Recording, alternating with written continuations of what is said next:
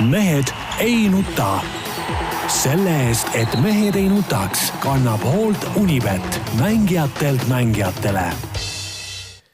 tere, meie vaatajad ja kuulajad, Mehed ei nuta on taas kord eetris natuke erinevas paigutuses, aga mehed on samad, Tarmo Paju Delfist, tervist! Peep Pahv Delfist ja Eesti Päevalehest, tervist! Jaan Martinson Delfist, Eesti Päevalehest ja kõikjalt mujalt. no paigutus on teistsugune sellepärast, vaata Tarmo on niisugune noor ja sile ja ilus poiss, eks ole, ja meiesugused Jaani-sugused kännud tahavad lihtsalt teda nagu otse niimoodi vaadata, muidu pidime kogu aeg siit külje pealt vaatama, eriti Jaan oli nagu hädas, et noh, ütleme, ma nagu varjutasin Tarmo ka ja siis nüüd Tarmo on siin, et, et saaksime teda ilusti vaadata. ma saan aru, et äh, tahate noh, täna teil on mingi, mingeid soove, mingid, midagi on vaja saada kuskilt, mingeid allkirju kuskile või ei, mis, milles selline, milles, milles selline, selline heldus, et, et tavaliselt on jutt nagu vastupidine ikkagi. ei no lihtsalt. kui ilusad teie no, olete. teeme sulle pärast hea meelt, et noh, et sul oleks pärast saates saad nagu puid alla, pärast saates saad puid alla oma. see on jube kahtlane. oma, oma, oma nende arusaamade tõttu. see on jube kahtlane kuulata teid äh, niimoodi saadet alustamas, et see asi hästi ei saa lõppeda. no muidugi. noh, mis teil südamel on, kool algab, algas. algas ta. algas, algab. ja minul oli põnev sündmus, oli hoopis äh, reede hommikul, siis äh, käisin Jüriöö pargis vaatamas, kuidas noorsõdurid annavad valvet noh, ütleme nii, et tähendab, fakt on ega see õige ei olnud, kõik oli ikka, nõukogude ajal oli parem. las ma räägin nüüd, sina ei ole käinud ühes ega teises, sinul ei ole üldse midagi seletada, tead, seal, sind peaks saatma sinna sellesse abiteenistusse neid siibreid vahetama, tead, nii, aga, aga hakkab tulema. fakt on see, et marssida muidugi Eesti sõdurid ei oska. ei no seda on marssimist seal, kui sellist ei olnud üldse, no seal nad lihtsalt sammusid sinna, sinna äh, platsi peale sealt põõsaste seest, eks ole nii, siis eh, tükk aega läks aega, kuniks seal eh, käed õla peal seal neid õigeid vahemaid pandi, lõpuks seal üks habemega boss ütles, et et mis te siin leiutate, võtke need kivivuukid järgi rivvi, noh, mis oli õige, eks ole, need noored soldatid muidugi millestki eriti aru ei saanud, tead, tükk aega seal pusserdasid, lõpuks said paika, noh, siis, siis eh, oli see vande andmine oli ka, mina mäletan, jaa, ma ei tea, kuidas sul oli, mina mäletan, et mina Venemaal andsin ikkagi nagu ise vannet, mitte kõik koorisi ei, ei andnud ju tead, meie andsime vist kõik koorid, meid oli päris ma ei tea, mul on nagu mingi, mingi mälupilt, et ma ise nagu andsin, aga seal oli nii, et seal üks luges siis lause ette, teised kordasid järgi, no okei okay,, see ei olnud veel, veel kõige hullem, aga siis läks hümni laulmiseks ja siis esimesed, ütleme, paar rida, noh, ütleme seal mõni võib-olla pobises midagi habemesse, siis oli ainult see orkestri hääl, aga no siis lõpuks said ikka natuke seal lauluhääle üles ka, tead noh.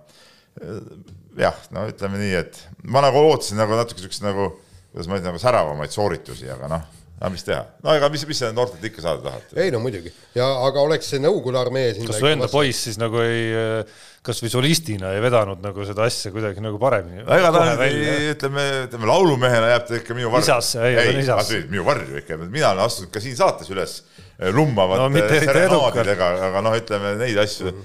sealt ei tule ikkagi. kusjuures meil oli, pull oli see, et meie ajal olid noored, olid ka mingisuguse suure selle teatri balletiartistid ja, ja need paganama ooperilauljad olid ka seal, noh, kes olid tõesti kuu aega ära, siis läksid oma teatrisse tagasi ja kõik nii.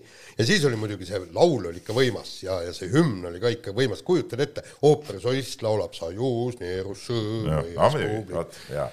nii, aga no nüüd ma loodan oh., nüüd on nagu ütleme see. ma enne kella pealt vaatasin, lugesin aega, minut ja viiskümmend kaks läks siis. ei, ma nüüd ikkagi mõtlen seda ka, et noh, nüüd on nagu see, see põhivärk on käidud, mina käisin, vaatasin, vanne on antud, ütleme kodumaale truudust tõestatud. nüüd tahaks, et poiss saaks rohkem korvpalli ka mängida, et, et, et loodame, et siin mängud ja trennid ja kõik nagu hakkavad Oot. nagu sujuma. mul on juba, meil on juba järgmine nädal siin kontrollimängud, ülejärgmine nädal karikamängud ja nii edasi, et, et seda nagu. see, see ei lähe kuidagi nagu kokku sellega milline on, milline on läbi aegade ka siin saates sinu suust kõlanud nägemus õigest armeest? ei no see nagunii ei lähe kokku sellega, et selles suhtes. et kui juba ei lähe, siis las see poiss tuleb trenni nüüd ära. jah, et, et see nagunii ei lähe kokku sellega. sellepärast, et mina no, tean. ütleme okei okay,, ma näen, et neil tegelikult seda, seda ütleme seda sõjaväevärki kui sellist on muidugi sada viiskümmend korda rohkem kui minul seal kahe aasta jooksul. aga seda, kuidas ma ütlen, seda ajude sedasamust, no on vähevõitu, tead, noh, ütleme, seda on vähevõitu aga, aga saad aru, et mina ju magan äh, koos naisega, ma tean, et minu lapsed ja lapselapsed magavad rahulikult öösel sellepärast, et Peebu poeg kaitseb mind. et kui vaenlane tuleb üle piiri, siis relv käes, tõuseb relvile kohe. tõuseb kohe relvile, laseb kõik vastased maha, on ju, ja ja mi- mina saan rahulikult magada, aga nüüd ma ei tea, kas mul täna ja kui ta veel korvpallitrennis käima aga hakkab. Aga, absoluutselt. aga meie sinuga saame minna siis partisanideks ainult. meie lähme partisanideks. Ühesõnaga jah, ma hakkasin naerma siin taustal, et äh, umbes kolm minutit tuli tõelist nagu heietust siin ikkagi, mis meenutas mulle tegelikult äh, natukene ühte teist asja asi on ikka südamel, ma Et, ikkagi ei saa aru, miks nad ei või normaalselt marssida. Jah, vot mäletad, meil oli ikka- et see on nagu ütleme, meil oli ikkagi, ma võin näidata praegu ka, meil käis jalg ikkagi sedasi püsti, eks ole, aga nemad tulid mis see mingi jama teeb? ei no see on, jalg pidi tõusma paralleelselt maaga. jah ja,, jah, muidugi noh, täpselt. No see kaamera taga on Tiit, ma arvan, ta on ka käinud, ta on ka vanem mees, noh, täpselt, noh, teab täpselt. nii, kuule, see, see meenutab mulle lihtsalt äh, kahte, kahte juhtumit, ühte ma tahtsin niigi meenutada siin saate algul, ma teile rääkisin ka. tervitan äh, Peetris Küti tänava ühte eramut ja, ja seal kohvikute päeval trehvatud äh, võõrustajaid, kes siis äh, tundsid ära äh, nii-öelda tervitasid Mehed ei nutat, edastasid tervituse, kus siis ühtlasi sai maitsta Napoleoni kooki, mis läks ilmselgelt äh, minu Oot, oot, oot, oot. absoluutsesse Eesti top kolme. oota, mul on praegu, sõna. mul siin kohe tekkis küsimus. Aga kus minu ja Jaani koogid on? otsa said. aga nad ei, nad ei seisa, nad ei seisa nii kaua, aga mina oleks siin kohvikute peal, oleks keegi teile kohe, mina oleks küll toonud. jaa, no kindel see, kindel see, Peep, no absoluutselt.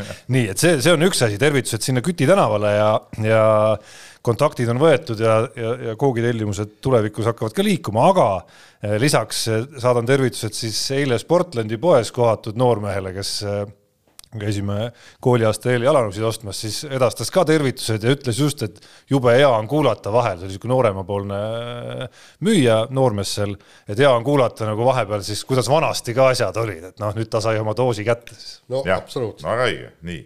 aga lähme nüüd spordimanu nagu. Lähme spordimanu ja räägime mitte sellest, mis oli, aga sellest, mis tuleb ja kõik, kogu maailma, eriti veel Eesti pilgud on äh, suunatud Lõuna-Eestisse, kus toimub Rally Estonia, jätkub äh, ralli MM-sari, laupäev, pühapäev, no reedel ka juba seal midagi törtsutatakse. no reedel, see on, see on nagu na- naljasuts, no seda ei. naljasuts jah, aga, aga läheb tõsiseks andmiseks ja, ja noh, selge see, et, et Ott Tänak on seal su- suur favoriit ja ja, ja kõik, kõik rivaalid ja ka ta ise ütleb, et, et enam ei ole midagi tagasi hoida, ega siin ei olegi jäänud, ega me, me ei tea ju tegelikult, et mitu etappi veel.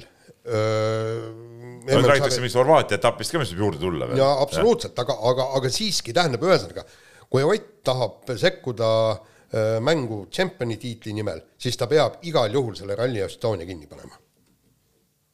ei muidugi, siin ei ole nagu teist valikutki ja, ja see tähendab, et koduralli, selline ralli, ütleme, ta on nagu Soome ralli aseaine mõnes mõttes ja oma olemuselt ja kiirustelt sama ja, ja kahel viimasel aastal on ju Ott Soomes võitnud, et seegi see, et see, see, see pinnas, sellised teed, see kiirus on ju kõik vesi tema veskile, siin on ainult üks aga, eks ole, nüüd see auto, et kas see, kas see Hyundai auto peab seda sellist kiirust vastu ja kas ta Toyotaga võrdluses just ütleme, on, on võimeline ikkagi niisugust ähm, seda tempot hoidma ja, ja vastu pidama, et, et noh, Toyota peal selge see, et äh, Kalle Rompeerale ka need teed sobivad ju ideaalselt, no sina räägid kogu aeg, et ta on liiga noor selleks, et võita, jah, muidugi võib olla liiga noor, ega me ei tea, mismoodi. no elu on näidanud, et äh, kõik, Ott Tänak oli ka kunagi liiga noor. ja täpselt, ja Ožee on kunagi noor olnud. suhteliselt noorena võitnud ju selle Soome ralli, eks ole, tead, et noh, seal need variandid on nagu ja ohud on õhus, aga ohud on ikkagi õhus ainult Toyota kolmiku poolt. Ožee, Evans äh,, Rompera, ütleme teised äh, sinna, ütleme siis Tänak, ütleme teised sinna mängu ei sekku, ma ei usu, et Neuvill suudab ikkagi sellistes oludes mingit suurt mängu mängida. aga, aga muidugi põnevaks läheb, sest tegelikult ega me ei tea ju teid ja, ja nagu selgub, et on uusi teid ehitatud ja ei no seal on ikka palju on ka neid katseid, mida me teame ikkagi peast. ja ei, seda nüüd kindlasti, aga, aga vä- väidetavalt on teid uuendatud ja kõik, see on parandatud jah, et ma Jah. sõidangi homme, sõidan äh, Lõuna-Eestisse, siis saab sealt täpsemalt raporteerida. just, et, et, et siin on ka, et, et noh, Ott Tänakul on selge see, et, et ühest küljest ta teab kõiki neid täpselt teid ja kõik, aga, aga teine asi on just see, et, et ta liiga uljaks ei lähe, aga noh, ma usun, et et ta suudab ikkagi ennast talitseda ja vaata, ta on, ta on tegelikult ei no see, see mure on, et kui ta peab autost nii-öelda nagu kivist vett välja pigistama, et siis ta või siis võib nagu need ohupiirid võivad tulla, et ta peab selleks, et, et sõita Toyotaga võrdselt, peab nagu seda piiri peale täiesti minema, et, et siis võivad need ohud tekkida. jaa, aga, aga, aga tema puhul ongi just huvitav see, et, et väga paljud rallid on olnud ju nii, kui sa vaatad seda, et et, et kuidas ta öö, otsib selle koha, kus kohast rünnata, kus kohast see vahe sisse teha ja siis noh, teinekord ralli alguse, ralli lõppu ta sõidab tõesti rahulikult teistega samas tempos, aga see on nagu Ožee vanasti sõitis, vaata oma parimatel päevadel, alati piisas ühest-kahest katsest ja ülejäänud oli niisugune hoidmine, noh. Aga, aga noh, siin, siin ongi no kõige suurem oht ongi see, et, et midagi juhtub, kas, kas autoga või, või siis tõesti noh, kuskil minnakse liiga uljalt, ei ole jälle legendis üht-teist kirjas, noh, täpselt nii nagu juhtuski ju Monte Carlo etapil, kõik oli ju timm, kõik oli väga kihvt. aga, aga, aga Jaan, aga miks sa pead seda nagu kurja välja kutsuma? ei, ma ei, ma ei kutsu kurja välja.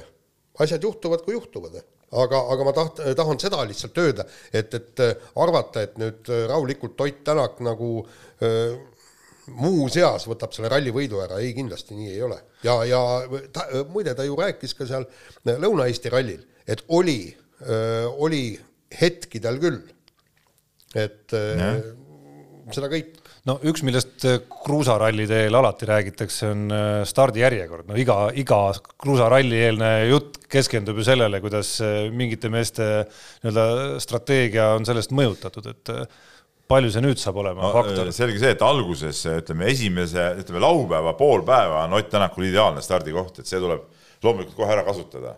kui, kui vihma kui vihma ei saja jah, aga praeguse prognooside järgi minu arust ei ole mingit suurt vihma lubanud, nii palju kui mina olen vaadanud, aga aga, aga eks, eks see noh no, täna nii, pole mõtet nii, veel vaadata. nii pikad need prognoosid ei, ei pruugi paika pidada. aga, aga kui on normaalsed olud, siis esimesed, esimesed, esimene ring siis on, ütleme, Tänakul ideaalsed olud, siis tehakse regrupp seekord siis erakordselt vara, mitte esimese päeva järel, vaid esimese päeva poole peal, kuna ralli on ju tavapärasest lühem. et no ütleme ikkagi nende esimeste katsetega tuleb sõita niimoodi, et sa saa-, et ta saaks uuesti nagu hea, hea positsiooni. ja, seal ongi võtme, üks võtmeküsimus on see, kuidas, kuidas Ožee näiteks seal esimesel kohal sõites suudab selle esimese ringi läbida, see on üks võtmeküsimus. jaa, aga, aga no samamoodi on ju öö, ka Kalle Roandperal. no Roandpera on ainult ühe koha eespool täna. no see ei ole, see vahe ei ole võib-olla nii suur ikkagi et, et äh, aga, aga see on, ütleme nii-öelda täitsa teepuhastaja ja, ja see kindlasti mingit rolli mängib. jah, aga, aga lihtsalt mul endal on noh, ma olen, ma olen juba vaikselt niimoodi noh, hinges, hinges juba ootan, ootan seda seda Rally Estoniat ja just sellepärast, et ei ole nii pikka pausi olnud ilma rallita. viimased kolm aastat sa eladki selle, selle nimel. eelmine nädal oli ralli või?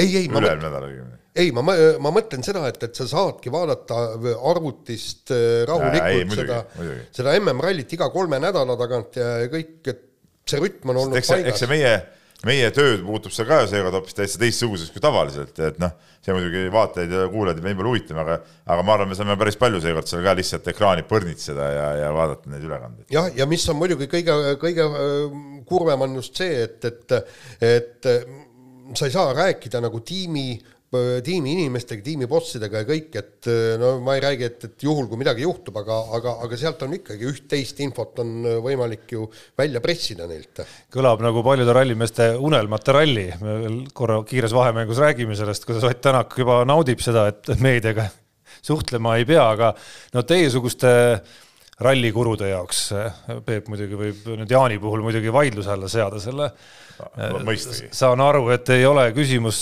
mis, et ainus küsimus, mis huvitab, ei ole see, kuidas jäävad Neuvilli, Tänaku, Ogier ja Rovanpera vahekorrad, vaid see nii-öelda eestlastele tekkinud koduõuele, koduõuele tekkinud võimalus ja Eesti pilootidele seeläbi ka tekkinud võimalus, et, et äkki väike nii-öelda juhend vaatajatele, mida peaks seal jälgima, keda peaks jälgima no kindlasti peaks jälgima juunior WRC-d, kuidas sõidab äh, Ken Torn kõigepealt, kes on esimese, noh, seni, seni ainsa etapi ajal kolmandal kohal ja siis äh, Robert Virves.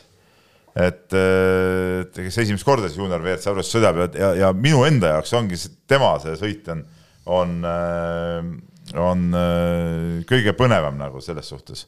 et, et kuidas ta nüüd Eestis siin, ta on, ütleme, näidanud head kiirust noore mehena kaks tuhat sünniaastaga, et kuidas nüüd ta seal juunioride arvestuses hakkama saab ja tal on ka, ta nüüd esimest korda Lõuna-Eesti ralli sai selle uuema autoga sõita ja, ja, ja ja, ja, ja kuidas ta siis ütleme, sellega on suutnud kohaneda ja kuidas sõidab, see on, see on üks asi, teine asi muidugi siis äh, WRC kolm arvestuses, kes sõidavad äh,, sõidavad meie mehed, noh kindlasti on põnev vaadata, kuidas Egon Kaur ja, ja Rainer Aus näiteks äh, ütleme, meie siuksed võib öelda ikkagi nagu kogenud, kuigi nad ei ole vanuse poolest nii vanad, eks ole, aga nad on, nad on väga kogenud juba äh,. kuidas saavad hakkama seal äh, WRC kolm on siis põhimõtteliselt R5 autod ja mitte tehase autod, vaid siis tava, tavakonkurents, mis on väga tihe, väga või võib-olla kõige tihedam klass üldse tegelikult.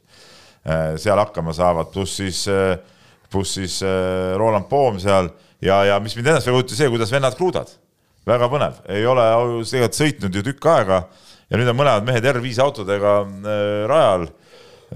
ma võin eksida, mulle tundub, et Gustav Kruda üldse esimest korda elus R5 autoga.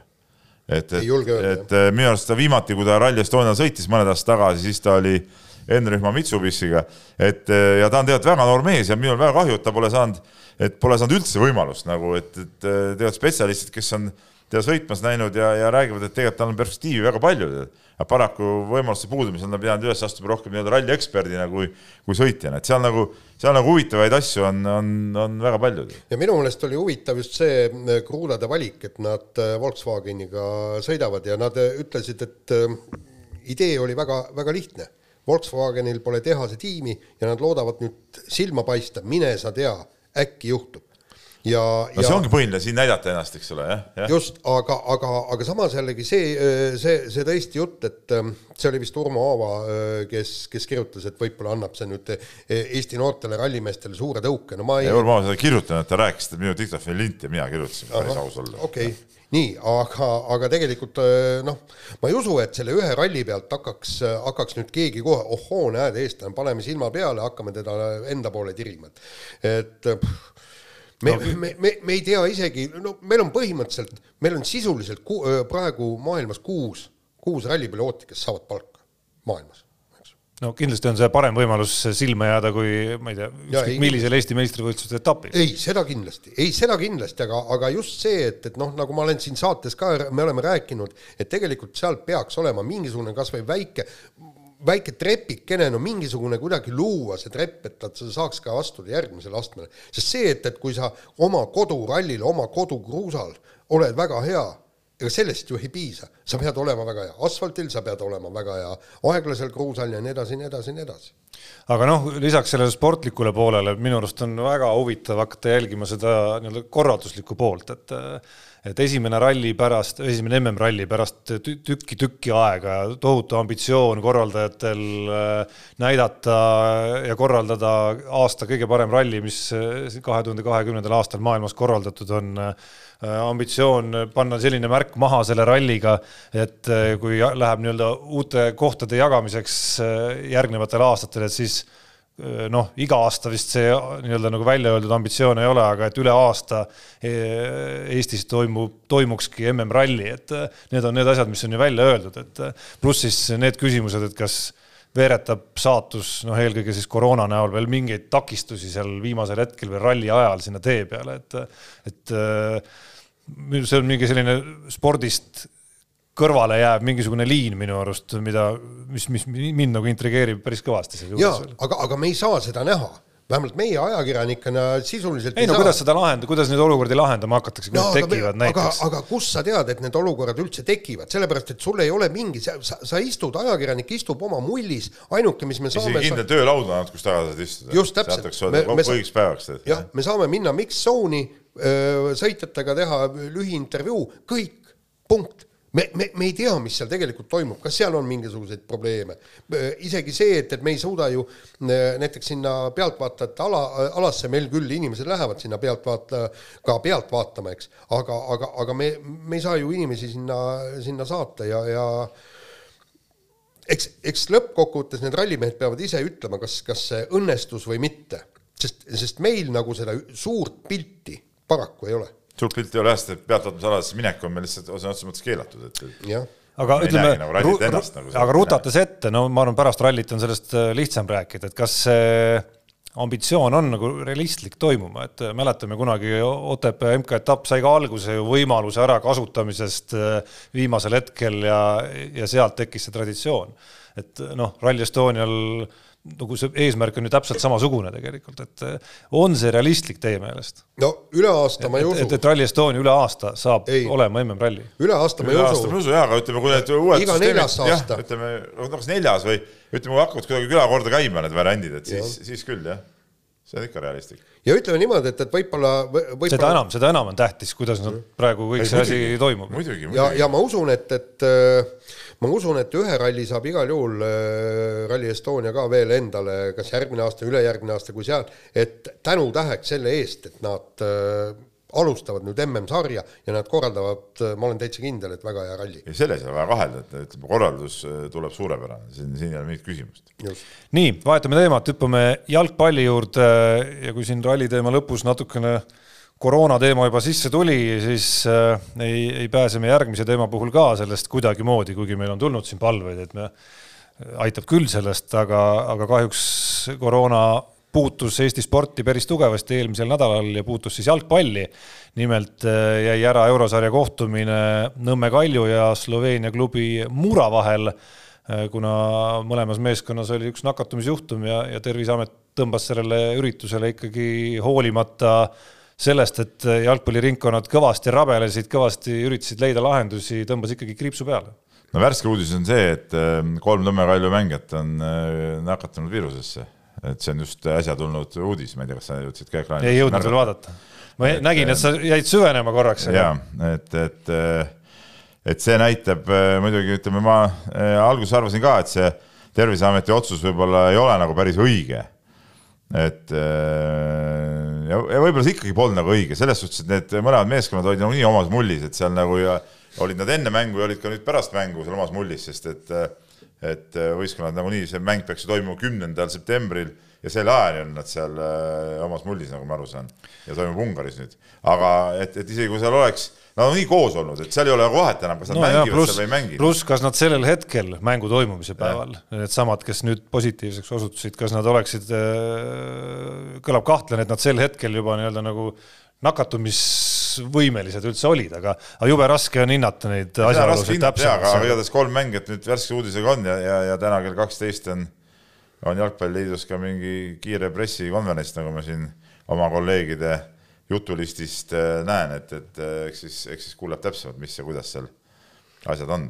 aga äh, natukene absurdseks tegi selle juhtumi just see, et jalgpalli nii-öelda reeglid, koroonareeglid on oluliselt karmimad kui, kui meil siin reeglid ja tegelikult, kui ei oleks olnud jalgpallireegleid, oleks sloveenlased lihtsalt lambist täiesti tulnud siia, oleks mänginud ei oleks keegi teada saanud. ei no sellele, sellele viitas ju ka Aivar Pohlak näiteks, et, et need äh, juhtumid tulid ju välja ainult tänu sellele, et äh, jalgpall on sätestanud sellised äh, noh, Nõmme Kalju puhul ikkagi ja. väga selged ju reeglid, kui palju ja tihti testitakse, et et kui sa paned siia kõrvale selle tüübi, kes tuli eelmisel nädalal siis reisilt Hispaaniast, mis on nagu Euroopa üks suuremaid koroonakoldeid praegu ja läks kaks päeva hiljem Ülemiste City's mingile klubiüritusele Äh, ja jõudis seal ka siis juba nakatada inimesi, on ju, eirates siis täielikult neid juhtnööre, mis on antud nendest nii-öelda punastest riikidest tulijatele, siis, siis jah nagu see üsna absurdne nagu erinevus tuleb, et üks, kes pingutab rohkem, justkui saab nagu karistada, aga, aga noh, nii see paraku, ega sinna see elu meil suundub parat-. jah, aga, aga koroonareeglid. lihtsalt meil..., lihtsalt ma arvan, et neid Hispaaniast tulijaid tuleks hakata ka karmimalt karistama lihtsalt, kes, no, kes, kes niimoodi eiravad. kes eiravad reegleid, loomulikult tuleks karmilt karistada. ja, ja, ja seda meie koroonareeglite absurdsust näitab muide ka see, et Vatikanist tulijad võivad vabalt Eestisse siseneda, et kuidas saab Vatikanist tööõnnetus, et sealgi otse tulla ju. ja no, no ei saa ju otse tulla, nad peavad liikuma läbi Itaalia tahes või tahtmata, eks ju. ikka saab, helikopteriga tõused Vatikanist ma, õhku. ma ei ole päris kindel, kas helikopteriga on võimalik siis Vatikani maanduda või tõusta. on ja. ikka, kuidas ei ole, ta nii väike ka ei ole ju. no miks, no ta nii suur ka ei ole ju no vot huvitav küsimus jah ja. Ja küsimus on üks asi, kas see on võimalik, teine asi, kas seda praktikas tehakse.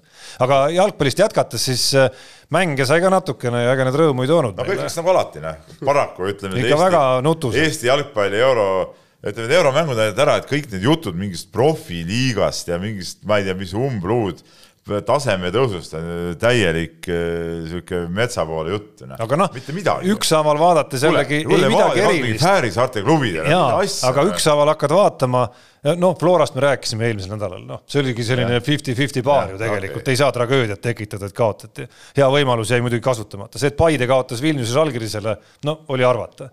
aga, ja see, et Levadia kaotas Fääri saartel, vaadates, mis Levadia sel hooajal teinud. ei no, ma saan aru, aga no ikkagi no ikkagi see on nagu seaduspärasus juba, et kuhugi ei jõuta. kuulge, me räägime ju, me räägime praegu Fääri saartest. me räägime Fääri saartest.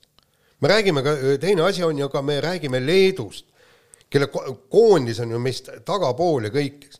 ja meil, meid kiidetakse ju kogu aeg ja, ja noh, Aivar Pohlak ja teised ütlevad, et meie Eesti jalgpalliliiga areneb ja muutub professionaalseks, kõik. näidake mulle paberil seda arengut meist on kaks äh, eurosarja mängude peale, meil on, meist on kaks äh, riiki olid vist kehvemad ainult ei no eks sellesama jutu elav tõestus on ka see, et me jäämegi ju ühest eurosarja kohast ilma. no et, just no, see, see, need on kurvad faktid iseenesest seal, aga. ja kusjuures, okei okay,, ma olen sellega nõus, Eesti liiga muutubki võib-olla paremaks, aga teised tormavad meist ikkagi kiiremini edasi vot see on see, et see on tüüpiline, eks, et äh, noh, spordis on väga, väga lihtne, eks.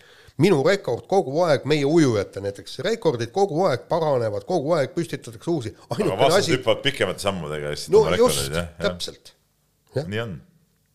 kergejõustikust. nii, kergejõustik ja oli päris äh, tore uudis äh, laupäeval, kui selgus, et Kati Ojaloo meie Soomes elav peamiselt treeniv Vasarait ja püstitas Eesti rekordi seitsekümmend üks, viiskümmend, mis on ikka päris normaalne tulemus juba ikkagi uues, uues kümnes ja, ja selline arvestatav resultaat ja, ja nüüd ongi küsimus, kas Kergejõustuse Liit ja EOK peaks talle hakkama tõsist toetust maksma, no siin eile oli ju ka suur uudis sellest, kuidas äh, need ähm, stipendiumid äh, nagu muutusid, need nimekirjad ja kelle siin löödi. see oli päris omapärane. ei, miks, minu arust see oli lugu nagu... selles mõttes, et äkitselt oli tekkinud mingi jagatud stipendium. jaa, no see on lihtsalt võimalus maksta rohkematele inimestele seda raha. jaa, Peep, aga ma selles näe, mõttes mina ei näe siin nagu küll mingit probleemi, minu arust see on nagu isegi okei okay.. küll seda võiks jah nimetada mingis D-kategooriaks, aga no, aga sisu ju sellest ei muutu. et selles suhtes minu arust see nagu ei ole mõtet ei ole mõtet viriseda, Kati Oola jäi siis nimekirjast välja, kuna see koosolek oli enne, kui ta selle rekordi no sisu natukene. küll ta, küll ta, küll ta ka saab selle raha peale. sisu minu arust natuke muutub, et no, äh, siis sellega just, et. see viissada eurot kas... Äh, muutub kuidagi kuuesajaks. ei, see viissada ei muutu kuuesajaks, aga nagu mingisugune reeglistik võiks nagu olla ikkagi. ei, aga C-kategooria ei olegi reeglitepärane. A ja B on reeglitel, C on ikkagi põhimõtteliselt äh, tippspordikomisjoni otsustada, kellele ja kuidas anda ja see on, ja see peabki olema me oleme kogu aeg rääkinud, et me ei saa ainult nendest tuimadest äh, reeglitest lähtuda, et, äh, et peavad olema võimalused ikkagi anda ka ütleme, ütleme nendele, kes ei ole teatud kriteeriume täitnud ja praegu see on ju tagatud. ja siin üks on see, et ühed jagavad siin ühte stipendiumi, aga minu arust näiteks kui kui kolmele kümnevõistlejale antakse kaks seda stipendiumit, siis tegelikult ju nad saavad ju sealt rohkem kätte, kui oleks seda ühte jaganud, nii et ma, minu arust see on, see on täitsa mõistlik, et on kindel hunnik raha ja seda tuleb ära jagada kuidagi ja, ja seda juurde ei tule. kas see nimetada nüüd jagamiseks või tee E või ma ei tea, kas või F tase, sellel ei ole mitte mingit vahet tegelikult. hakkasin eile huvi pärast vaatama, kuhu, okei okay,, räägime nüüd sellest, et see ühe heite põhjal ei saa kaugele ulatuvaid ei, okei okay,, olgem ausad, et Kati Joaland ei ole ka päris mingi ühe heite tegija, et ta on, ei, seda küll. ta on ju olnud kogu aeg ju, ta on püsinud küll viimasel ajal nüüd oreli varjus mm.. aga tegelikult see tase on olnud ju seal no, kuuskümmend kaheksa, kuuskümmend üheksa, aga selle tulemusega nagu äh,, nagu suurt kala ei püüa, aga seitsekümmend üks, viiskümmend ja seitsekümmend üks pluss, kui ta veel korra, võib-olla isegi kaks nii palju heidaks, siis oleks, tasuks küll hakata juba vaatama natukene, et, et mis selle tulemusega ära saaks teha. ja ma vaatasin, et, et MM-il oleks ta saanud vist kas, kas kaheksanda või üheksa, ei, kaheteistkümne sees. vist oli ta seal üksteist, kümme, üksteist, kaksteist kuskil seal. just, ja olümpiamängudel ka, nii ja, ja vot nüüd ütleme niimoodi, kui mina istuks seal tippspordikomisjonis, kergejõustik on väga hea, mõõdetav äh, ala, eks. ja kui ma vaatan, et, et kui neiu jätkuvalt ja järjepidevalt suudab seitsekümmend äh, pluss, seitsekümmend üks pluss heita, see tähendab seda, et tal on potentsiaali jõuda öö, tiitlivõistlustel MM-il olümpial esikümnesse ja no ütleme niimoodi, vaatame selle nimekirja, kes saavad seda C-kategooria äh, stipendiumit. Ma, ma olen nõus, ma, ma valin sealt kümme nime ja ma olen nõus äh, selle tippspordikomisjoni suvalise liikmega vedama kihla, et need kümme, kelle ma sealt välja valin, ei jõua mitte kunagi olümpial kümne sekka. aga me maksame neile ikkagi seda C-kategooriat no ega see kümme no, ei ole. võtame, võtame see kasvõi meie, meie maratoonerid, jube tublid vennad ja kõik nii. on sul lootust, et olümpial esikümnesse jõuaks? ei, no, no, ei no aga mis sa nüüd arvad, ma olen täitsa kindel, et kui järgmine kord see äh, teema üles tuleb või kui tippspordikomisjon koguneb, siis võtad see ajaloo teema kindlasti äh, teemaks ka. noh no, see on nüüd Kergestuse Liidu äh, teha nagu, et lükatakse sinna ette, teadupärast minu arust Kergestuse president on üldse tippspordikomisjoni juht uue uue struktuuri järgi, nii et ma loodan, et nad saavad selle asjad korda. noh, pluss kuskile ka alaliidu nii-öelda kohustus panustada neile, kes eh, nendele suurematele riigimeetmetele ei kvalifitseeru, ei kao ka mitte kuskile. aga noh, mis puudutab seda joont, mis sa tõmbad kümne peale, ega see on niisugune mis see kümmegi ei ole ju, on niisugune meelevaldne joon. ei, ta ei ole, ütleme niimoodi, et, et meie äh.... lõpuks saab öelda, et lõpuks saab öelda, et kuskil on medalivõitjad, mis maksavad, eks ole. ei, seda kindlasti. et sealt aga... edasi jooned kuus, kaheksa, kümme, kaksteist, kakskümmend, noh, need on juba kõik sellised äh, meelevaldsed, sõltub spordialast, kus see kümnes või kahekümnes koht omab rohkem tähendust ja kus vähem. ja ei, seda kindlasti, aga, aga ikkagi ütleme niimoodi, et, et meie peaks, näiteks no taanlastel, taanlastel on esikaheksa, neil on see, et, et need, kes on nende nii-öelda A-kategooria peal on see, et kes on jõudnud esikaheksasse või siis on suur potentsiaal jõuda esikaheksasse. ka isegi taanlased võtavad selle nagu piiriks, ma arvan, et Eesti võiks just selle esikümne võtta piiriks, et see näitab juba, et sealt võib hea õnnestumise korral ka midagi enamat tulla. nii, aga kiirelt esimese ploki lõpetuseks Lionel Messist on, on ääretult palju viimasel ajal igal pool räägitud, tahab Barcelonast jalga lasta ja ja no minu poolest mingu aga. Aga, aga miskipärast Barcelona tahab teda kinni hoida, järgmisest aastast saaks ju äh, kodanik niikuinii minema marssida ja noh, mina, ma, ma ei oska öelda. no mis miskipärast Barcelona tahab kinni hoida, et sellel võib-olla ta nii väga ei tahagi kinni hoida, aga küsimus on päris no, mitmes, päris mitmesajas miljonis euros, miks miks tast tuleb kinni hoida, mitte, oma raha tahab kätte saada. mitte tal lasta niisama minema ja, jalutada. kuule, aga kõik, kogu äri ja kõik, kõik on ju kompromisside värk, et okei okay,, tema hind on ju mingisugune mega, mingi seitsesada miljonit, okei okay,, seda kindlasti ei saa. nii, tahavad kakssada miljonit, aga seda ka ei saa. ja mis siis nüüd on, Messi istub järgmine aasta pingi peal, nemad pappi, pappi ka ei saa ja siis jalutab vend minema lihtsalt ja kõik. Okei okay,, võta siis kas või see viiskümmend miljonit, raha seegi või ei ole või? noh, selles maailmas see viiskümmend, messide maailmas enam see viiskümmend ei ole muidugi mingi raha. No kui sa tema palganumbrid ja üleminekusummad kokku õige. paned. aga, aga, aga kui sa vaatad, et kas sa saad null või viiskümmend, noh ikkagi. no midagi. väga huvitav köievedu ikkagi rullub meil ikkagi nagu maailma nagu nagu kõige tipumalt, tipumas nii-öelda nagu sektoris või spordi, sporditeravikus lahti meie ees praegu, et juba see, juba see lepinguvaidlus iseenesest on ju väga huvitav, et mingi tärmin, milleks tuli nii-öelda see avaldus sisse anda, mis on tegelikult justkui möödas, aga kuna koroonaviirus paiskas ka jalgpallihooaja tärminid paigast ära ja meistrite liiga alles lõppes, siis, siis justkui nagu saab apelleerida seal, et, et see saab olema ikka nagu väga huvitav case, mismoodi seda praktikas lahendatakse. Ja seal neid teooriaid on ju nii palju seal tegelikult, et võib-olla ta ei tahagi ära minna, vaid lihtsalt survestada seal Barcelona klubis mingeid muudatusi. lase kõlli. Kiire vahemäng ja alustame Jüri Vipsist, meie kuulus vormelisõitja, tegi kaks väga vinget sõitu ja oot-oot, ja seda isegi Toomas Vabamäe muideks, ma, ma tean, sa oled juba niisugune irooniline pilk ja tahad kohe salvata. isegi Toomas Vabamäe kirjutas, et, et tegelikult kui vaadata neid, neid kahte sõitu, kus ta viimasel kohal startis, jõudis üheteistkümnendaks, et, et ta näitas, et on sõidumees aga noh, samas jälle poiss istus esimest korda äh, vormel kaks autosse üldse ja, ja, ja suutis sellega noh, üsnagi hästi toime tulla, punkte muidugi ei saanud ja kõike, ühesõnaga. Et kasu ei olnud sellest ju midagi. kasu ei olnud midagi. Ja ütlemegi, et kõige, kõige hullem on see, et, et Yuki Tsunoda, kes on jaapanlane ja kellel on taga Honda tugi ja Honda teatavasti tardib mootoreid Red Bullile ja, ja siis Alfa Taurile, on, on väga vingelt sõitnud, kuigi noh, vaatasin ka seda sõitu, ütleme niimoodi, ei olnud niisugust suurt action'it, aga, aga väga tõhus oli see sõit.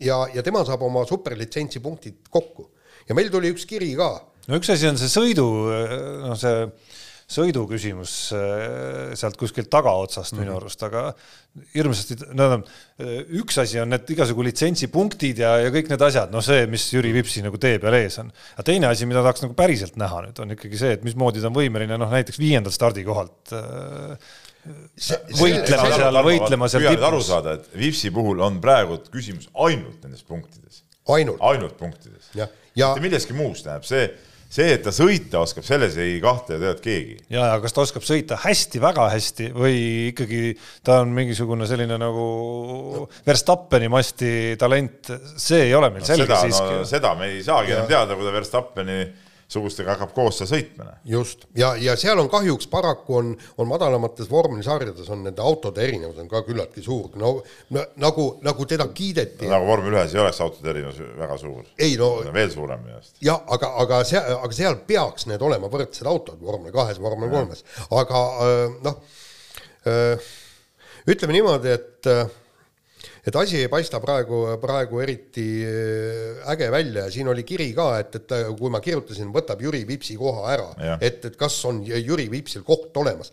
jutt käib sellest, et ei ole Alfa Tauril ehk siis äh, Red Bulli nii-öelda farmi tiimil ei ole kedagi sinna istuma panna sinna autosse, mitte midagi, tähendab sõitjaid võib olla, aga neil pole superlitsentsipunkte täis või siis need, kellel on pu- punktid täis, need kuuluvad Ferrarisse või Williamsisse ta-ta-ta, ta-ta-ta sinna, et ei ole kedagi panna ja ma arvan, et et kui seda Tsunodat ei oleks tulnud, siis järgmine aasta oleks ta istutatud, see Jüri Vips rahulikult sinna vormel kahte võtab oma punktid ära, kui ta nüüd Jaapani superformulast punkte ei saa ja oleks ta ikkagi tiritud sinna F1-te.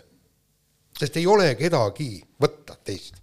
nii, aga vahetame teemat, läheme tagasi korraks Ott Tänaku juurde ja tahaks küsida küll, mehed, teie käest, et eh, mida te teinud olete Ott Tänakuga, et ta ütleb enne Rally Estoniat, et jube hea on valmistuda, ei mingit meediat, ei mingit stressi.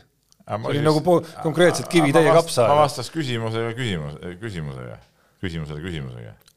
aga mis see sinu küsida on? absoluutselt minu küsida. ma arvan, et kõik meie kuulajad tahavad teada, ma esindan siin kuulaja huve. Tarmo, esiteks, kui sa oled äh, nii-öelda sissepoole elav inimene ja jutt ei käi ju ainult Eesti, Eesti meediast, kuigi ka noh, Eesti meediat on ju palju ja ega ta kritiseerib ka seda Eesti meediat ja kõik nii. oled sissepoole elav inimene ja, ja sa nüüd mõtle, sa pead päevas, nädala jooksul iga päev andma kaks, kolm, neli, viis, kuus intervjuud mis. kaks, kolm, neli, jaa. ei, ei. Kakskümmend intervjuud. ei, ütleme niimoodi, et, et ralli eel aga no ralli eel. ralli eel, tähendab, sina istud, teed tööd, rahulikult toksid seal arvutis kõik, sul on pea, peas need kõik mõtted, järsku till-till, telefon helistab, kuule, Tarmo, kuule, räägime kümme minutit. kuule, Ott Tänaku intervjueerimine nüüd nii päris ei käi, ma arvan. lihtsalt helistate talle või? ei no ei, ei, ei. räägime põhimõttest. ei, me räägime põhimõttest, me sellepärast meie ei. saagi, aga, aga, aga on ju teised sõitjad, kellele saab helistada. Mitte meie, aga, aga omad ajakirjanikud ja kõik, eks. sest ne, vaata, nemad on harjunud nagu suhtlema ja nad suhtlevad rohkem ja, ja kõik, eks. ja, ja, ja ralli ajal ütleme, see on kõige tähtsam, sul on töö, ma ei, ma ei kujuta ette, mis, ütleme niimoodi, et sa valmistad mingisugust noh, täielikku Delfi uuendust ette, kõik nii.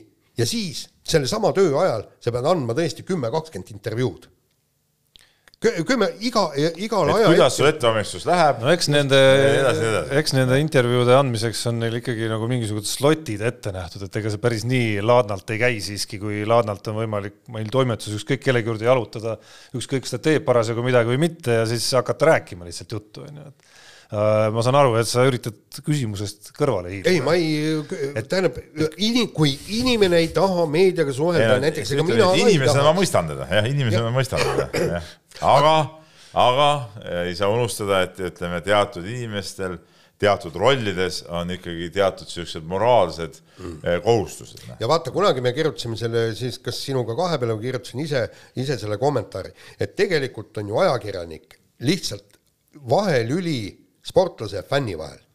ega mina ju personaalselt ei taha kõike seda teada niimoodi, et, et ma uurin Oti käest, küsin kõiki, jätan selle enda sisse, ei. Ma küsin, tahan vastuseid saada selleks, et seda fännidele edastada. ja kui ei suhelda ajakirjanikuga, see tähendab seda, et ei suhelda ka fännidega, mitte ka fännidega, vaid just fännidega. nii, aga lähme edasi, olid laskesuusatamise suvised meistrivõistlused, suve biatlon, nagu öeldakse, ja Kaarel Kaspar Kõrge käis seal stardis ja, ja mis siis saab, kas kõik murdemehed hakkavad minema laskesuusatajaks? Jana, sina, sina kui meie nii-öelda suusaspets, mis sul on selle kohta ütelda? võikski Ega, minna, ma enne. oota, oota, oota, oota, ära sina sega vahele. suusaspetsialist Jaan Martinson, mida te arvate nüüd Kaarel Kaspar Kõrge sooritusest ja, ja kas ta läheb sinna? seitse trahvi, seitsmes koht, no ütleme niimoodi, et, et väga märklehtedel pihta ei saa, aga loomulikult tuleb minna laskesuusatamisse, vaata, mis on meie, meil on murdmaas on olukord, neil ei ole laagreid, nad peavad ise kuskilt raha leidma, neil ei ole võistlusi, neil ei ole isegi määrdetiimi korralikku mm. -hmm. ja nüüd on laskesuusatamises on kõik see olemas, on sul olemas laagrid, on sul olemas tiim, on sul olemas määrdetiim, kõik töötab. ja, ja, ja kusjuures on ka võistlusi rahulikult sa saad äh, MK-sarjas, sa saad siis äh, see, mis see on, äh, aste madalam. no see alles selgub, kas saad. see, see kõik on tore. ei, ei, ütleme ja, niimoodi, et, et kui ja. sa jõuad, kui, kui sa jõuad mingisugusele Raido Ränkeli tasemele, sul on vähemalt tagatud ei, nõus, võimalused. nõus, aga vaata, kui nüüd meeleotsi suusatajad, kes dopingu, nagu hiljem selgus, dopingu abil ennast tippu sõitsid, siis sa keksisid küll igal MK-etapil seal jalalt jalale ja, ja ja kirusti suusatamisest iga jumala päev eh, artikleid. aga kus nüüd, kui on nagu rasked hetked, miks ma ei saa sinu sulest lugeda niisugust sügavat analüüsi, mis peaks nagu juhtuma, mis oleks vaja nagu teha et meie rahvusspordiala taas üles tuleks. et, et äh, kuule, neid, nagu anal neid analüüse ei ole, ei ole näinud. Kuule, ei ole näinud, meil on uus koondise peatreener, okei okay,, uus-vana. olen ka temaga ma, rääkinud, aga. kus, kus on need analüüsid? Need analüüsid ja kõik. sina tahad ikka olla ainult nagu tähesäras nagu. ei, ma ei taha tähesäras. sa oled nagu see, sa oled nagu spordifunktsionär, kes läheb lennujaama sportlasele vastu, kui saab medaliga poseerida, aga muidu hoiab kuskil eemal, nii ka sina, Jaan no,. kirjutaksid ainult siis, kui on mingid suured asjad, mitte siis, kui on nagu tõsised probleemid ja. no aga kus su enda, kus su enda tööülesanded on no, siis? ma olen andnud seda ülesannet korduvalt, aga ei ole hakkama saadud. Peep, ma olen neist väsimatult kirjutanud viimase viie aasta jooksul Ei, ja eriti veel siis äh, sellel ajal, kui oli see äh, nii-öelda tiim Esto-, tiim, ei, mis see oli nüüd, äh, Haanja, Haanja., tiim Haanja on ju dopingutiim Haanja. Õnneks hakkab ununema nimi. just, just, nii, aga, aga siis ongi ju kõik no nii palju kirjutab, et nimi läheb meelest ära juba.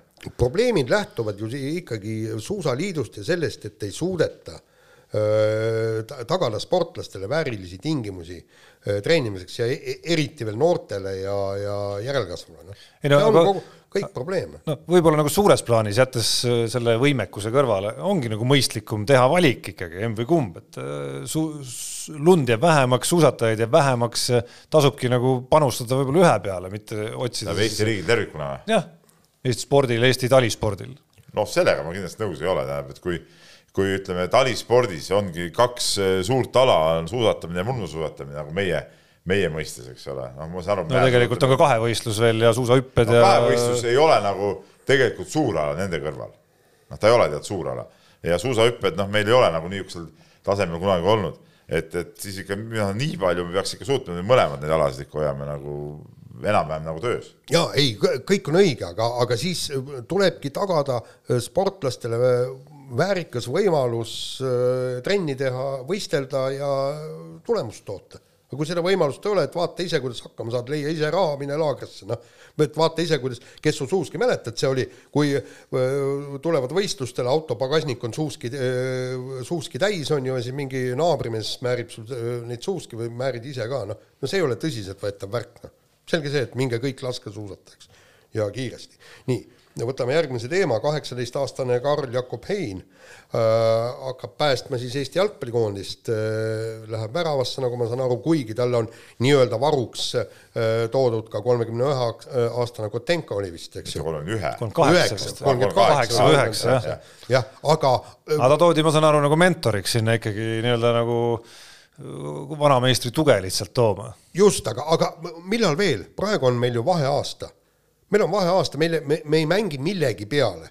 me, me mängime seda rahvuste liigat, noh, pole mingit vahet, kas me jääme sinna öö, püsima või kukume sealt allapoole, noh praegu on just õige aeg tuua, kellega me hakkame, kes meil absoluutselt, ma olen täiesti nõus, et siin ei ole nagu Ei, ma ei näe ka mingit nüüd, kui on veel kukkunud ära veel nii palju Jah. muid variante ka, et seal ei ole nagu isegi kui panna nüüd vanused jätta kõrvale seal ja pannagi need olemasolevad variandid kõrvuti, siis äh, mina julgeks arvata, et ongi nendest ka nagu väravavahina hetkel oskuste poolest ole., oskuste poolest kõige parem, et tegemist on Arsenali ütleme, neljanda väravavahiga, ma arvan, et ongi hetkel parim väravavaht nendest, kes seal valikus on jah, nendest, kes valikus on, võib-olla seal, kes see seal vigastada sai. jah, ja nüüd saab ta võimaluse näidata, et võimalik, et ta on äkki parem isegi kui mõni, kes on vigastatud ja oleks võib-olla tast eespool ja samamoodi Dunjov tuleks väljakule panna kindlasti ja, ja kõik, et las nad, las noored proovivad.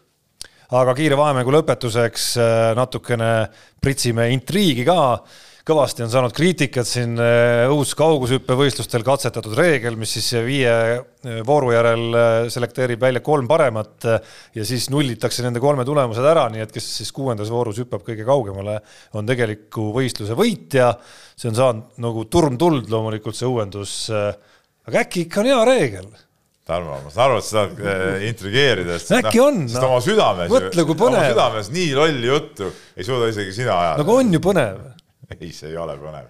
see ei ole põnev, Tarmo, see on, see on, see on debiilsuste tipp, see on järjekordne näide sellest, kuidas üritatakse spordis teha mingit täielikku kommertsi, kus nagu see tulemus ja, ja sportlik sooritus ei ole enam kõige tähtsamad ja, ja seda, see on, seda on nagu valus vaadata, et, et lollused tulekski ära lõpetada. ja, ja kusjuures no aga intrigeeriv see Ei. on kuule, isegi ütleme nüüd niimoodi, et see antud reegel on, on ääretult totter, siin oleks võinud ju tegelikult pa- palju kihvtimaid asju öö, ellu viia, näiteks seal on niimoodi, et, et pärast kolme katset näiteks, ütleme kolm katset hüppavad ära, kaheksas hüppab esimese vastu ja sealt niimoodi, et siis öö, üks hüpe, kes, kellest üle hüppab, see saab edasi ja vot niimoodi mängitakse koht välja, vähemalt see, see oleks vähemalt põnevam olnud või siis näiteks niimoodi võiks kohe play-off'iga alustada, esimesest voorust juba Ei,. kvalifikatsiooni tulemuste põhjal läheb play-off'iks no.. nojah, täpselt, kuusteist, kuus, kuusteist pääsevad edasi ja siis sealt play-off'i. teine võimalus oleks näiteks niimoodi, et, et kui sul on kuu, kuus hüpet, siis tulemused liidetakse,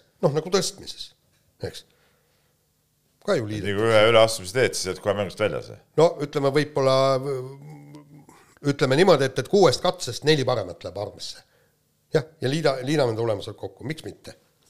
nii et, et ütleme niimoodi, nad valisid kõige totrama, et siis pärast äh, viima, ei viimasele kuule, see katsele liitmine on veel nagu idiootsem ja keskmise võtmine. siis on veel keerulisem hakata jälgima seda üldse, ei, aga, aga ma ütlen, et tegelikult hüpake nii, kuulge, me oleme ju näinud kaugushüppes nihukest draamat, tuleta meelde seal no Tokyo üheksakümmend üks mm näiteks suurepärane võistlus, Powell ja Lewis. ei no mul jäi küll segaseks, miks sellest asjad. äh, reeglist räägitakse praegu ainult kaugushüppe kontekstis, et nii saaks ju kõik, Kõik väljakualad põhimõtteliselt, heited tõuked, hüpped, kõik Jah, saaks nii teha oota, kas, kas mitte äh, meile ei oleks tulnud kettaheites äh, medal äh, Riia olümpiamängudelt äh, Kupperilt? Vaata vi, viimase ja no katsega, viimase katsega läks ta oli uuesti teine mööda., jaa, aga viimasele katsele oleks pääsenud ainult kolm võistlejat no.. ja ta oleks pronksi igal juhul kätte saanud. no samamoodi võib ka ilma jääda, nii et ega see pole absoluutne, aga jah, et ja siis, kui sa kolme hulgas oled. ja, ja ma mõtlen nagu vastupidi, et sul võib see võimalus tagantjärele no vaadates olema läinud aga jah, et see teema kokku võtta, siis äh, üritasin seda, tõsiselt? ma ei mõelnud seda tõsiselt, aga natukene, natukene võis ju intrigeerida. ei, Unibetis saab tasuta vaadata aastas enam kui viiekümne tuhande mängu otseülekannet. seda isegi mobiilis ja tahvelarvutis. Unibet, mängijatelt mängijatele no meil ei ole siin midagi rääkida, me Meil ei oleme ole- Tarmoga suu lukus. me oleme suu lukus jah, Need summad siis on, ma tahaks teada nüüd. ei ole mõtet lasta jääda praegu. ei, miks, ei no lööme kaardid siis avalikult lauale. kakssada kuuskümmend viis, nii, mul on kakssada natuke peale. kolmsada kakskümmend kaks, nelikümmend seitse. no sära nüüd. ei, mis siis ära teha? no ei no räägi, räägi välja. Ei, aga nagu ma- asi on ju lihtne tegelikult, asi on väga lihtne. tuleb, siin peab olema nagu närvi ja ootama seda õiget hetke. nii, ja siis, kui sa näed, et ahaa, nüüd on see panusepaneku koht mm, -hmm. teha panus, mille koefitsient on viis koma kuuskümmend kaks, panna kümpa peale, viiskümmend kuus eurot äh, võtad sealt välja ja, ja, ja nii ongi.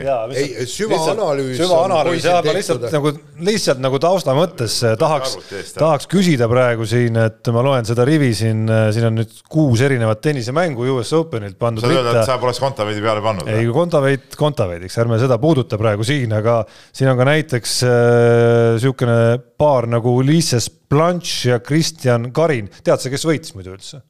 Jah, kumb? üks neist.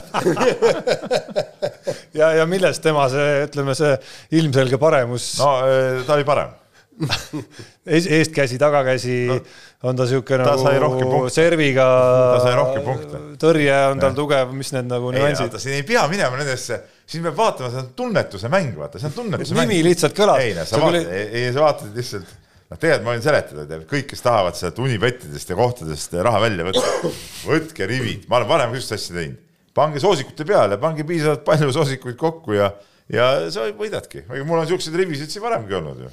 aga palju sa neid võitnud? no mõned ikkagi olen, näe, näiteks. seal on ikka punast väga palju. punast on ka palju muidugi, jah. Ai kurja, kusjuures ma vaatan seesama paar, mis ma ette lugesin, Peep. Noh, oli sul ka endal pandud- ei, ei, ei, ei mina see nädal passisin, aga see, see, keda sa ette lugesid, ma ei mäleta. see oli äh, kodanikud Karin ja Blanche. ahah, ahah. Sa ei teadnud, sa ei osanud öelda mulle muidugi, kumb aga võitis. sa teadsid või peast? ei, aga ma ei pannud ka panust ega väitnud, et ma väga no aga asjatundlik rumal, olin. rumal olid, et, et ma panust ei et pannud. võitis see, kelle peale ma panin. Aga kumma peale sa panid? ei, ma ei mäleta. ei, kumb oli soosik selle peale? kumb oli soosik? ei, ma ei mäleta. ja ma võin sulle öelda lihtsalt tagantjärele, soosik oli Karin, ta on kolmeteistkümnenda asetusega ja ta kaotas kaks esimest setti veel selles mängus. no jaa, aga see mind ei heidutanud, loomulikult ma olin ju kindel, et ta võtab selle lõpuks ära. sest meeste mängus on vaja kolme seti võita suures slam'is, no mis see kaks kaotust, see on nagu, see on nagu kass-hiire mäng. see on vastase uinutamine ja ja väsitamine. absoluutselt noh et noh, selles suhtes no ütleme, ma ei tea, no te võite siin, võite siin nagu irvendada või teha mida iganes, aga fakt on see, et minul on äh, ikkagi sada eurot rohkem kui teil. peaaegu.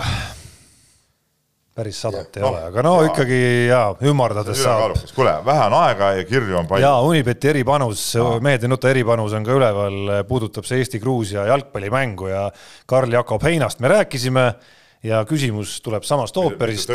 ei, küsimus on, kas Karl-Jakob Hein eripanusena saab panna, et Karl-Jakob Hein teeb nullimängu alustuseks kohe või noh, Eesti teeb nullimängu. viimasel hetkel otsustavad treenerid, et ei ei mängigi. kui Kotenko mängib, siis kehtib panus ka, ehk siis äh, panus sellele, et Gruusia ei löögi ühtegi väravat, mis loodetavasti tähendab Heina nullimängu debüüdina, neli koma kakskümmend viis on koefitsient.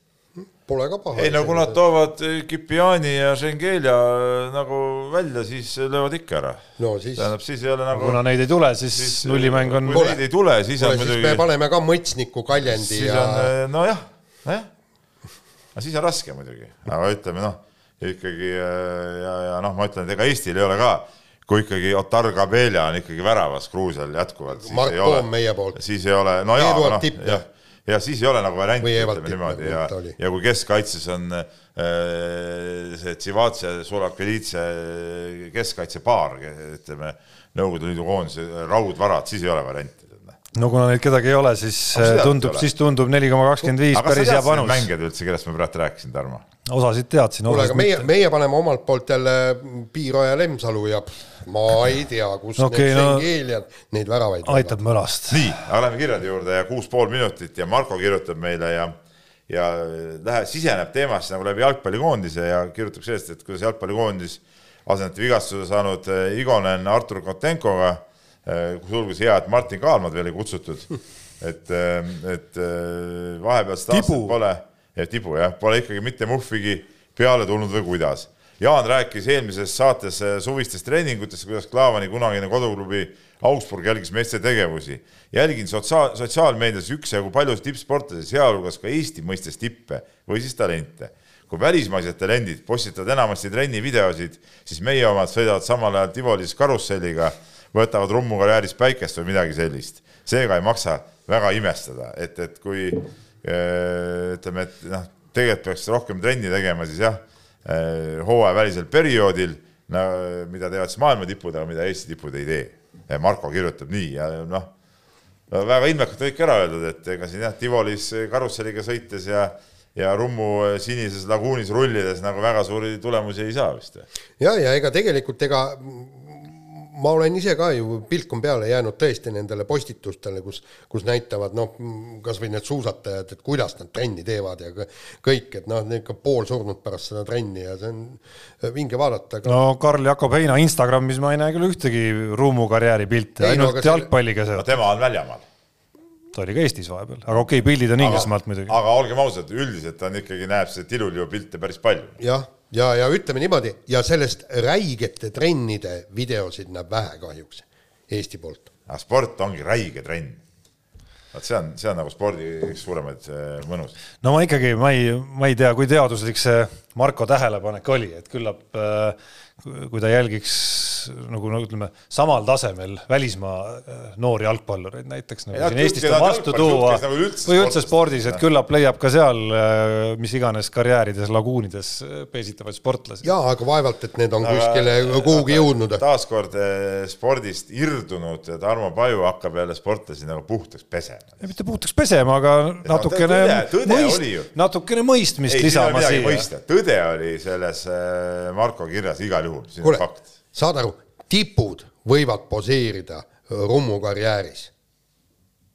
tipud võivad aga seda teha. eks ta kuhugi jõuda, nemad võivad poseerida ainult higistena staadioni murul. nii, aga Margus, äh, vana hea sõber, mul kirjutab ka ja küsib sellist asja, et äh, kõik Eestis mängivad klubid kirjeldavad oma äh, võistkonda registreeritud tundmatuid nimesid ja ei oska esialgu midagi öelda, jutt käib siis korvpallist eks ole, nii Äh, kuid äh, Kalev, Tallinna Kalev siis äh, tõmbas Jokkeri pakisse, mis toob tagasi brändis Reili Rossi. Ross on kindel mees, kes tahab vabadust, mida omal Andres Sõber talle võimaldas, et kas Martin Müürsepp annab vabad käed Rossile või on ikkagi selle tagamehe parim enne möödas. no parim enne möödas, ma arvan, et ei ole, ta eelmine hooaegki mängis veel ju Champions liigas minu arust ju, kui ma õieti praegu mäletan. oli Aadila liigat äkki ja Champions liigi mängis ma natukene võin siin eksida, ta on liikunud siin ju ringi ka natukene. jaa, aga ta mängis selle et need viimased hooajad on tal, ja võis ja. olla, et tal need viimased hooajad on olnud sellised ta oli ühes Balkani klubis igatahes. jaa, hüplikud natukene, ütleme siis niimoodi. aga noh, selge see, et Montenegros nii... mängis. Montenegros jah, et äh... noh, ta on kindlasti nagu nii-öelda nagu kindlam valik kui äh, see valik, mida on teinud päris mitu klubi, et on võtnud äh, otse ülikoolist tulnud suhteliselt äh, Äh, noh, valdavalt need, mis ma olen nagu läbi vaadanud uudiste näol, on olnud sellised, äh, kust nagu, mis annavad nagu lootust, et nad on ülikoolides olnud kas siis A okei okay koolis või B okei okay rollis. ehk et nagu potentsiaal on olemas, aga noh, ettearvamatus on ka päris suur ikkagi, mismoodi see Euroopa korvpalliga kohanemine hakkab juhtuma, et selles mõttes kindlasti Reili Ross on kindlam valik. aga, aga no selge on ka see, et kolmekümne kolmeselt noh, iga päev on, on, liigub sinnapoole, et see parim enne kas on läbi või on äh, varsti jõuab kätte. kuigi kolmkümmend kolm ei ole veel nii metsik vanus, aga küll aga teeb äh, äh, nagu võib-olla natuke tähelepanelikuks see, et, et, et kui mees ikkagi nagu pidevalt äh, jõuab see Eesti klubidesse tagasi, siis noh, tema see võib-olla see tegelik level ikkagi ei ole nagu nii kõrge, aga noh, samas see näitab ka Eesti liiga võib-olla niisugust keskpärasust, et, et siin ta siiamaani, kui ta on käinud on ta olnud ikkagi ju tegijamees kogu aeg, eks ole, no oli ta siis see esimene tulek Tallinna Kalevisse, hiljem Tarvas, siis pool hooaega äh, Kalev Cramos, noh, kus ta okei okay,, see oli nii kõva sats, et seal ju midagi särada väga ei saanud, aga aga ütleme noh, tase oli ikkagi olemas. küll aga jah, see, see hooaeg on äh, koduses korvpallis nagu huvitav küll, et, et väga palju siukseid pealtnäha nagu nii-öelda umbluu vendi on nagu siia liigasse liikumas, kellest nagu midagi ei tea ja, ja tegelikult noh, ega ei saagi teada, et mängijaid on ju nii palju ja, ja meil ei olegi äh, mingit ülevaadet, see on, ongi ikkagi puhas eh, loterii tegelikult, et kuidas, kuidas kellelgi näkkab, aga hästi palju on neid noori, noori just esimese aasta mehi siia tulemas. Peep, sa oled eh, ookeani tagant oma meeskonda juba tugevdust toonud või toomas, sa tood kedagi või? ei, ma ei tea, kas ma ookeani tagant toon või, aga võib-olla kuskilt peab kedagi ikkagi tooma, jah. kavaldad siin praegu? ei, ma ei kavalda, tegelikult, tegelikult on suur mure näiteks tegelikult, tegelikult Eesti korvpalli, ütleme, võtame kas või esiliiga nüüd, kus ma siin oma nende poisid, poistega olen et ega näiteks tsentrit sinna leida Eestist on sisuliselt ju võimatu no.. et ma jõudsin just enne seda äh, nagu uurida näiteks Rain Raadiku kohta, kui järgmine päev tuli see info, et äh, tegelikult mees läheb näiteks, et oleks Itaalia kolmas liiga äkki oli või. et noh, et ütleme kõik, kes vähegi potentsiaalsed on, on kas kuskil paigas või on kuskil välismaal ja ega siin päris raske on leida tegelikult, tead noh. aga no me rääkisime siin sellist nagu sama asi on Eesti- meistriliiga Eesti satsis, ei ole, ei ole, ei ole eriti võtta mängijaid ju noh. Aga- võtame sama see Rapla, ma segasin vahele, võtame sama Rapla võistkonna, ai saate läks kohe läbi, et noh, nad, neil on ju kaks äh, Eesti mõistes nagu enam-vähem mängijat paigas ja ega rohkem midagi polegi võtta, ülejäänud ongi kas mingid mõned noored pluss välismaalased, no nii ongi, noh, pole mängijaid. no järelikult satse on liiga palju tahtsin lihtsalt remargi korras öelda, et äh, siin viimased värbamised, mis Kalev Cramo näiteks on teinud, siis nagu samm ülevalpool natukene keskmisest koduliiga klubist, on sellised päris intrigeerivad, et äh, noh, see on natuke teine, kui sealt otse ülikoolist tulla. nii, sellega on meie saade läbi ja kuulake meid järgmine kord uuesti. mehed ei nuta. saate tõi sinuni Unibet, mängijatelt mängijatele